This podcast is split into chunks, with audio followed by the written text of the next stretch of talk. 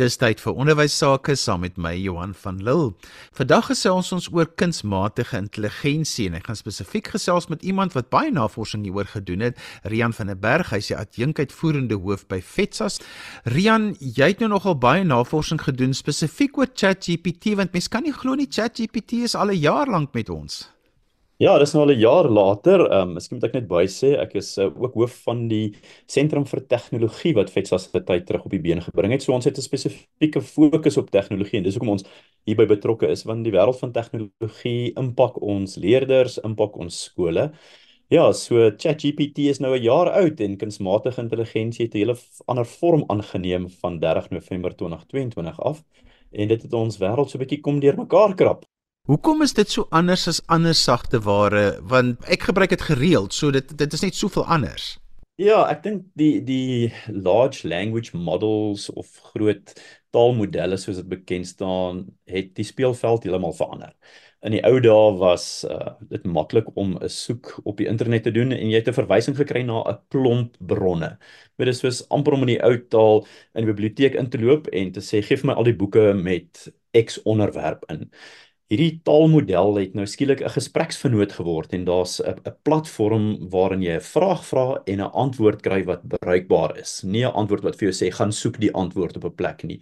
So dis so miskien in die biblioteek nou heeltemal verander. Ons vra nou nie meer vir die lys van boeke nie, ons vra nou vir die persoon agter die toonbank, wat is die antwoord van hierdie vraag?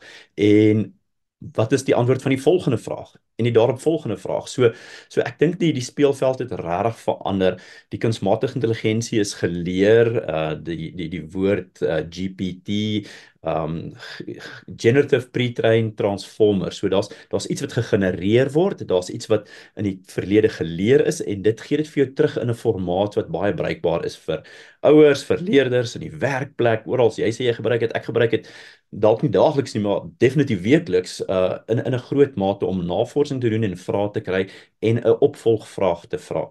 So ja, dit is 'n uh, bietjie die verskil. Dit het 'n gespreksvernoot geword eerder as om net 'n lys van antwoorde te gee en, en uiteraard sal nou uh baie meer modelle. ChatGPT is die eerste om die wêreld uh binne te gaan 30 eh, November 2022 en kort daarna het ons gesien uh Microsoft Copilot uh X of die ou Twitter se Grok en Google Bard en etlike ander modelle en dit het weier gegaan. Daar's nou modelle wat vir jou prentjies teken wat vir jou sketse maak wat vir jou amper 'n realistiese foto kan genereer op grond van die teks wat jy insit. So ja, dit is definitief anders as vorige sagte ware want dit is baie meer interaktief, baie meer tot die punt af. En ek dink die die uitdaging is dan is dit die waarheid? Want ons kry nou 'n antwoord. Ons doen nie navorsing nie. So waar lê die uitdaging vir die onderwys en dalk meer spesifiek vir die skole rondom die beskikbaarheid van hierdie nuwe tegnologie Ja, ek dink dit dit skit so 'n bietjie ons bootjie en die die uitdagings loop verskeie plekke. Ek wil voordat ek gesels oor die uitdagings met die ding van leer die kinders, doen hulle die werk self, wil ek um, uit my ervaring met uh, gesprekke laas jaar op baie forums en met baie skole Ek dink die grootste uitdaging lê skielik vir my, dit sit 'n kollig op ons weerstand tot verandering. uh iets niets gebeur in San Francisco of in Kalifornië en nuwe sagteware is beskikbaar en skielik is ons in 'n groot mate in die sektor baie weerstandig tot o jene, hierdie gaan nou die wêreld oorneem. Genade, dit gaan ons breine nou heeltemal uh weet herprogrammeer. Ons kinders gaan nou dom word, soos 'n ma vir my gesê het, en ons kinders gaan nie meer leer nie en skielik gaan ons kinders nou nou skelm word. So so ek dink die uitdaging vir my is ons is nie wedstryd fiks vir verandering in die sektor nie. uh, ons is nie bewus van wat op die innovasie ehm um, ja kurwe se voorpunt gebeur nie en en en dit maak dat die vraag bestaan dat is ons uh, wêreld uh, wat so vinnig verander nog relevant in die manier wat ons leerprosesse, ons leergereedskap en selfs dalk die inhoud van ons leerplan uh, moet aanspreek want want die wêreld waarin ons kinders gaan werk gaan baie anders lyk like as die wêreld waarin hulle nou in graad 1 is. Uh en en ek dink dit is vir my iets in die uitdagings vir die onderwysspasie. As ek sê miskien meer op 'n praktiese vlak, hoe gaan dit 'n uitdaging wees vir ons leerders en ons klasse en ons skole is skielik wonder almal of die huiswerk wat van die huis af kom die kind se werk is. Maar eintlik het ons gewoond geraak daaraan dat ons weet die ouers help, maar ons is eintlik gemaklik daarmee. Want jy het nooit geweet of dit uh kindinligting of kindintelligensie of ouer intelligensie was wat van die huis af gekom het nie. Um maar ons het dit genormaliseer want ons weet ouers help kinders. Nou is ons skielik bang om te sê die kinders kan vinnig die werk doen, kan baie maklike antwoord kry, dit kan goed lyk, hulle kan baie punte kry, maar het hulle regtig geleer? En ek dink dis waar die uitdaging kom. Is ons besig om punte te versamel of is ons besig om te leer?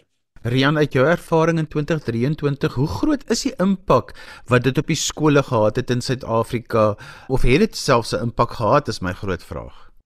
Ja, ek dink dit het 'n kleiner impak gehad as wat ehm um, dit uh, op die media platforms gehad het. Ek moet dalk eerstens sê by elke konferensie waar ek was, selfs dit wat die, die departement van onderwys gereël was, enige ander gesprek, ek was by 'n onderwystegnologie skou in Engeland, het kunsmatige intelligensie uh die voortou geneem in die gesprekke. Daar was altyd verwys daarna as hier is 'n nuwe stuk gereedskap. So dit het definitief 'n impak gehad in die gesprekke. Op mikrovlak by skole dink ek dit het 'n kleiner impak gehad. Ek het verskeie uh groepe onderwysers en skoolleiers en selfs leerders toegespreek en dan het ek oral gevra wie van julle weet daarvan en en die interessante ene was selfs so laat soos November laas jaar het ek in 'n personeelkamer vir onderwysers gevra wie weet van ChatGPT en toe is daar nog so twee of drie hande wat sê hulle het nog nooit daarvan gehoor nie. wat wat interessant is. Uh so ek dink nie dit het so groot impak gehad nie. Die kampioene, die mense wat voorloop in die stryd het baie vinnig dit vir die skool se se produktiwiteit gebruik in die kantoor. Uh onderwysers wat dit gebruik het om hulle wêreld, hulle werk, hulle hulle tydslas minder te maak en ehm um, ja, miskien lesse te beplan, iets interessants te doen. Wat ek agtergekom het by leerders is dat die leerders is woelig daarmee hulle weet daarvan. hulle gebruik dit. Hulle gebruik dit dalk nie noodwendig skelm nie, maar hulle is bewus daarvan veral in die hoërskool konteks. Ek het 'n gesprek met 'n onderwyseres in Mpumalanga gehad en toe sê sy vir my, maar sy weet nou nie wat om te doen nie want sy het vir die eerste keer in 20 jaar 180 ongelooflike Engelse eerste addisionele taal opstelle van die huis af teruggekry nadat sy huiswerk gegee het gaan skryf vir opstel en sy weet dit is nie die kinders se vermoë nie. Sy weet onmiddellik daar's fout. So dit het 'n impak gehad want die kinders weet daarvan en onderwysers is bewus daarvan dat die kinders dit gebruik. So dit is meer traag as wat ek gedink het dit gaan wees, maar dit begin infilter. Ons weet nog net nie hoe om dit te hanteer nie en ons kan dalk 'n bietjie later daaroor gesels. So is daar skole wat hieroor praat en of dit gebruik op die oomblik? Ja, ek dink daar is 'n paar skole, ehm um, hier en daar uh, is die gesprekke los. Ons het ons lede skole baie sterk aangemoedig om die gesprek te begin. Hier is 'n nuwe stuk gereedskap. Ons moet met mekaar gesels hieroor. Uh, leerders rapporteer die gebruik daarvan. Die sosiale media sê vir ons ouers uh, sê vir mekaar daarvan. Uh, daar was 'n interessante storie wat ehm um, ouers op die skool se Facebookblad vir mekaar gesê het oor die my kind sukkel om hierdie opstel te skryf of om hierdie uh, onderwerp 'n praatjie oor te doen en toe 'n ander ouer gesê, "Wel, gebruik net ChatGPT en jy het maklik jou 2 minute uh, toespraak." En en so ons weet dit word gebruik in die skoolgemeenskap. Ek dink dit word nog nie diep genoeg oor gepraat nie. Uh ongelukkig en gelukkig is ons skole baie besig en baie sterk um kurrikulum gedrewe en moet 'n klomp hekkies spring 'n klomp assesserings doen en ek dink hulle is baie keer so 'n bietjie met hulle kop in die stof onder toe sonder om te sien wat gebeur bo. So ek dink ons skole kan meer hieroor praat, meer riglyne gee, meer dit integreer en 'n positiewe gebruik daarvan maak. Maar ek dink uh ja, dit begin stadig en dit gebeur in sekere kontekste waar daar toegang is tot tegnologie, toegang is tot toestelle, toegang is tot data En uh, ja, ek dink ons ons diversiteit in ons land skets vir ons 'n prentjie van dit is nie noodwendig beskikbaar vir almal nie, maar dit is ook so met baie ander sake. Ek is opgewonde oor die skole wat leiding neem en begin gesels daaroor. Ek wil die skole wat nie gesels daaroor nie onmiddellik aanmoedig om te sê uh begin ten minste ondersoek instel en die gesprek aanknoop om te sê hoe kan ons dit gebruik? Nie hoe gaan die kinders skelm wees nie? Hoe gaan die onderwysers meer effektief wees? Hoe gaan die onderwysers tyd wen? Uh want ons is baie bang die kinders gaan dit gebruik, maar hoekom kan ons nie dieselfde stukkie gereedskap gebruik en en uh die die personeelkamer en die skoolsektor sterker maak nie. Rian, kom ons praat oor die groot gevaar want dit is eintlik wat so baie mense graag nou wil hoor ons moet oor praat. Almal wil hê ons moet praat oor die gevaar. So hoekom is almal skielik so besorg oor killery en skelm wees? Dis maar al baie jare met ons. Ja, jy sê dit reg om uh ek dink ek my my opsomming is omdat uh hierdie nuwe sagte waarde is sagte ware is vreemd. Dis nuut, dis onbekend. Uh, ons verstaan nie hoe dit werk nie. Dit is dis so half kulkens voor jou oë. Jy vra vir ChatGPT, skryf vir my 'n gedig oor uh, 'n mooi sonsak in die Kaap en die volgende oomblik is daar 'n baie inspirerende 16 lyntjie gedig en jy dink, "Joh, wie het dit gedoen? Hoekom het hierdie dinge so slim? Ek moet bang wees daarvoor." So ek dink die groot gevaar is in die vreemdheid en die onbekend en die en die, en die miskien bietjie nie verstaan nie. 'n Tweede ding is dan hierdie groot kwessie van is dit skelm? Uh wat gaan die kinders nou doen? En en ek dink daar moet ons as sektor, as skoolwêreld bietjie tree teruggee en sê wat probeer ons meet vir jare al is een van die grootste goed in 'n leerder se loopbaan is sy toetsskryf en sy eksamen en daar is geweldige reëls ons oorbestuur met reg baie keer die feit dat ons dink al die leerders gaan skelm wees en kil. Hulle moet alles in hulle koppe hê en dan van daar af moet ons die antwoord kry. Hulle moet kan memoriseer en dit kan weergee want dit lei tot goeie punte en ons moet dit baie sterk polisieer anders te kry die verkeerde kind die verkeerde punt en die verkeerde kind kry dalk die verkeerde balkie en dis meer. So ek dink ons moet ons hele proses van assessering meetinstrument gaan gaan heroorweeg en sê toets ons regtig leer, toets ons regtig begrip of is ons erg aan die polisieer vir punte versamel. Nou punte is 'n weergawe van toets en ek wil sommer op hierdie mm, stadium sê baie geluk aan al ons matriekleerders met hulle ongelooflike uitslae en goeie uitslae. Hulle het hard gewerk daarvoor. Maar hulle almal het gesit in 'n saal waar daar meer as een persoon die heeltyd dopgehou het wie skelm en wie is nie. Um en ek dink ons moet so bietjie heroorweeg of ons net die heeltyd moet dink ons leerders is skelm of nie. Ons moet hulle laat leer en ChatGPT by die huis gaan vir die kind die vinnige antwoord gee as die kind weet hy moet punte versamel.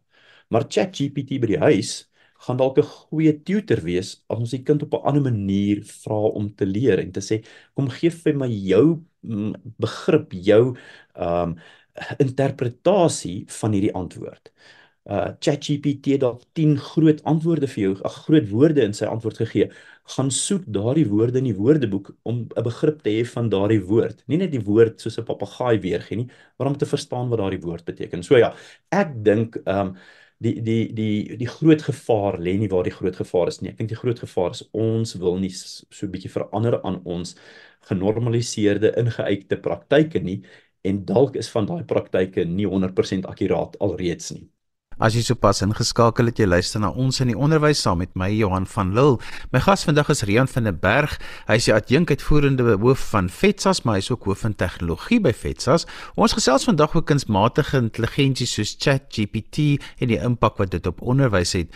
Rian, ek wil graag by jou hoor, wat sê die departement van onderwys hieroor of sê hulle enigins iets?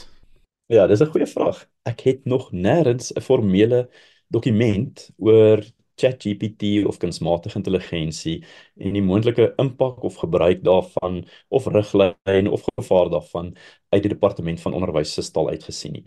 Uh, ek dink ek het vroeër genoem dat uh, by baie konferensies hierdie jaar was daar altyd verwys na kunsmatige intelligensie en hoe dit moontlik uh, onderwys kan ondersteun en kan impakteer. Maar op hierdie stadium van die wedstryd is dit so effens teleurstellend dat ons departement van onderwys nie 'n riglyn skep, 'n gespreksforum skep, 'n taakspan maak, noem dit wat jy kan doen om te sê kom ons gesels hieroor, uh want ons weet dit is reeds in die mark beskikbaar, dit word gebruik en op hierdie stadiumwedstryd word dit ongereguleerd gebruik. Rian, is daar enige statistieke oor die gebruik daarvan in onderwys en ook wat die gevoel van die gemeenskap in onderwys na so 'n jaar van kunsmatige intelligensie gemeet het of weet ons iets daarvan? Ja, ek het einde laas jaar so 'n bietjie gaan loer om te sien uh, na 1 jaar wat 'n baie kort tyd is na 1 jaar van die groot impak hiervan en uh ja, aan die begin was daar 'n groot skrik en baie lande en universiteite het dit onmiddellik uh, verban en die gebruik daarvan uh uitgeskop. Uh, ek sien daar's 'n tendens wat wat van hierdie tersiêre instansies dit begin terugtrek. Uh en van die laas jaar was daar 'n groot bekommernis in die tegnologie sektor uh oor die spoed waarteen dit uh ontwikkel en sterker word, soveel sodat die Amerikaanse president 'n uh, uitvoerende opdrag geteken en gesê kom ons kom ons staak net so bietjie die vinnig hardloop met hierdie en kom ons kom net by met wat ons alles wil regkry hierby. So dit is 'n interessante een.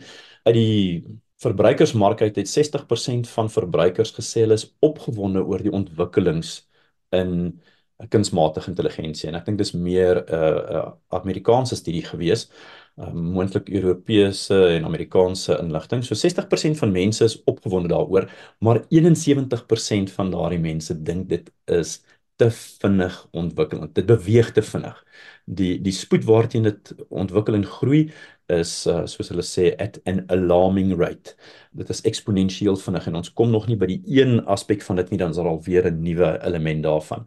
Wat in die onderwysspasie statistiek wys is dat 78% van ouers dink dit is skelm om dit te gebruik. En daar is so 'n bietjie van 'n verder verduideliking en ek dink dit is omdat niemand van hulle daardie gereedskap gehad het nie in my dae moes ons biblioteek toe gaan, paar jaar terug kon ons na Google toe gaan en nou skielik kan ChatGPT vir ons die antwoord gee. So dit voel vir my, joh, ek het ek het dit swaar gehad. So iemand anders moet dit ook swaarder hê. So ja, 78% van ouers dink dit is skelm om dit te gebruik. 36% van universiteitsstudente is deur dosente gedreig as hulle dit gaan gebruik. Sê as ons agterkom jy gebruik hierdie, dan gaan ons jou 0 gee vir jou jou opdrag. Uh interessant 68% van studente wat dit gebruik glo dit het hulle punte verbeter. Nou ek wil punte amper in hoofletters en uh drukskrif weet groot letters sit want weer eens gaan dit oor die punte kry wat ek nou nog gesê het van ons assesseringsmodel. Ek sou hiervan gehou het as 68% van studente gesê het dit het hulle meer laat leer want punte is nie die uiteindelike doel van dit nie. Maar ja, 68% van studente wat dit gebruik het glo dit het hulle punte verbeter. Uh 70% van onderwysers meer as die leerders sê dit kan leerders help, maar daar is geen formele riglyn nie. En dan is 66% van studente en leerders bekommerd dat dit hulle loopbane gaan impakteer of beïnvloed. En ek dink dit is 'n kern 'n kernvraag. Uh die die leerders wat voorberei vir 'n wêreld van werk is skielik baie meer onrustig nie oor die gebruik daarvan vir die toets of vir die opstel of vir die toespraak nie, maar hoe gaan dit my wêreld van werk beïnvloed? Rian, hoe lyk die toekoms hiervan en veral die invloed op onderrig en leer? Moet die stelsel aanpas, reguleer word of beide? Wat is jou indrukke? Ja, ek dink dit is baie belangrik om te kyk ehm um, hoe ons moet aanpas. Nie net ten opsigte van ChatGPT nie, maar enige nuwe ontwikkeling in die wêreld. So ek sou definitief sê die stelsel moet aanpas. Uh vir die laaste klomp jare praat daar baie forums word daar gepraat van reimagine dink nuut oor onderwys. Die wêreld waarin ons leef het vir ons iets soos Netflix en YouTube gegee wat skielik vir ons sê hoe die die vermaaklikheidswêreld het beweeg van iets was geskeduleerd dit was in massa en dit was op 'n spesifieke tyd Uh nou is dit skielik ongeskeduleerd. Ek kan na dit kyk of luister wanneer ek wil, soos die potgooi van hierdie hierdie program. Ek kan dit doen sonder dat almal dit saam met my doen. Dis persoonlik en ek kan dit eintlik mobiel doen van enige plek af. Ek hoef nie meer in die klas te wees, in die kerk te wees of voor die radio wat vas maar ek noem dit nou maar die TV wat vas is aan 'n antenna te wees nie. Ek kan dit nou op enige plek doen want mobiliteit is deel van ons toestelle. So ek dink ons moet leer daaruit en sê hoe moet ons ons onderwysstelsel aanpas om dalk ook meer persoonlik te wees. Onderwysers het 'n groot uitdaging daarmee, maar elke kind leer nie op dieselfde manier nie. Uh hoe moet ons die inhoud aanpas, nie noodwendig die kurrikulum nie, maar miskien die manier van aflewering. Ons praat van onderwys met tegnologie, onderwys deur tegnologie en onderwys van tegnologie. Wat moet ons die leerders leer van digitale burgerskap? Baie skole rapporteer kiberbillebakkery of uh, groot flaters wat gemaak word deur ouers, onderwysers en leerders met selfone en sosiale media. En en dit is omdat ons nie miskien heeltemal ja gereguleerd is en en opgelei is 'n lisensie het vir die gebruik van ons gereedskap nie. As jy 'n vuurwapen wil hê, moet jy 'n lisensie hê. En nie net 'n lisensie hê nie, jy moet 'n toetslag. Om 'n kar te kan bestuur, moet jy vaardigheid hê, nie net ouderdom hê nie. Jy moet 18 wees plus die toets kan slaag. Ja, so ek dink ons moet bietjie kyk hoe ons ons leerders nie net reëls en regulasies leer nie, maar ook waardes. Ehm um, uh ja, self begrip in hierdie wêreld, 'n uh, digitale burgerskap leer. So ja, ek dink ons moet definitief begin reguleer. My my hartseer van die onderwysdepartement is dat ons nog nie 'n riglyn het om te sê, julle kom ons gaan gaan speel in 'n speelgrond ehm um, sandbox uh omgewing om te gaan toets wat kan hierdie doen vir onderwys. Kom ons gee vir onderwysers riglyne. Kom ons gee vir skole riglyne en uh, as 'n uh, beheerliggaamorganisasie praat ons baie sterk van beleid ehm um, wat wat 'n beheerliggaam moet skep by 'n skool. So ons wil hê hierdie hierdie wêreld moet uh, ondersoek word. So ek dink die toekoms hiervan het definitief 'n invloed op ons manier van leer, ehm uh, manier van onderrig gee en ek dink die stelsel kan definitief nie voortgaan om leerders te produseer wat in die vroeë 2000s gereed is vir die wêreld van werk nie. Ons moet leerders nou gereed maak vir die wêreld van 2040 en verder. Rian, wat sê onderwysleiers en ander kundiges hieroor? Ja, ek het 'n baie interessante praatjie, 'n TED Talk van iemand wat wat baie hoog aangeskryf is, Selman Khan, hy's die uh stigter van die Khan Academy uh laas jaar gesien. En uh ja, baie baie leiers wat innoverend is, sê ons moet hierdie omhels, ons moet dit begin gebruik ter wille van die goeie goed uh Salman Khan sê in sy praatjie uh hy hy praat van die slegte akteurs, die mense wat wat op die verhoog is, gaan dit baie vinnig gebruik vir die slegte doeleindes. En ons moet 'n groter groep goeie akteurs hê wat hierdie ondersoek en gebruik en die positief daarin sien met ehm um, riglyne. Uh met ons ons sit kinders op fietsse as hulle klein is met twee klein kantwielietjies. Ons moet hierdie ding gebruik met oefenwielietjies, kantwielietjies en ons moet die positief daai kry uh en riglyne skep en regulasies skep hiervoor. So onderwysleiers um is nie heeltemal verdeel hieroor nie. Almal sê dit is 'n stuk gereedskap wat ons kan help. En ek sal ja, almal aanmoedig om om die TED Talk van Selman Khan te te gaan kyk om te gaan hoor wat sê hy hoe dit as 'n gespreksvernoot, 'n tutor, uh iemand wat jou kind op 'n persoonlike basis kan help. Nie die antwoord gee nie, maar begelei na 'n gesprek toe oor die antwoord. Rian, ons is aan die einde van vandag se gesprek oor kunsmatige intelligensie. So laaste slotgedagte of twee, dan moet ons groet. Ja, dankie dat ons hieroor kan gesels. Ek dink dit is belangrik dat ons aanhou praat hieroor. Ek is baie opgewonde as iemand vir my sê hulle stem glad nie saam met my nie, want dan kan die gesprek begin en die energie gaan na wat is die goeie en wat is die slegte. So kom ons hou aan gesels hieroor. Ek dink dit kan 'n groot invloed hê op uh, onderwys, op die klasgee metodiek en die inhoud van klasgee. Maar ja, moenie bang wees vir tegnologie nie. Kom ons wees sy baas eerder as wat hy ons baas is. Rian, as mense met jou wil kontak maak of verder wil gesels of meer wil weet, hoe kan hulle dit doen? Ja, baie maklik. Uh, dis Rian met twee A's, R I A A N by fetsas.org.za. Dis 'n maklike e-pos om te onthou, rian@fetsas.org.za. En so gesels Rian van der Berg. Ons het vandag gesels oor kunsmatige intelligensie soos ChatGPT en die impak wat dit op onderwys het. Onthou jy kan weer na vandag se program luister as 'n potgooi. Laai dit af by resgep.co.za. Skryf gerus vir my e-pos by Johan van Lille@gmail.com. daarmee groet ek dan vir vandag tot volgende week van my Johan van Lille. Totsiens.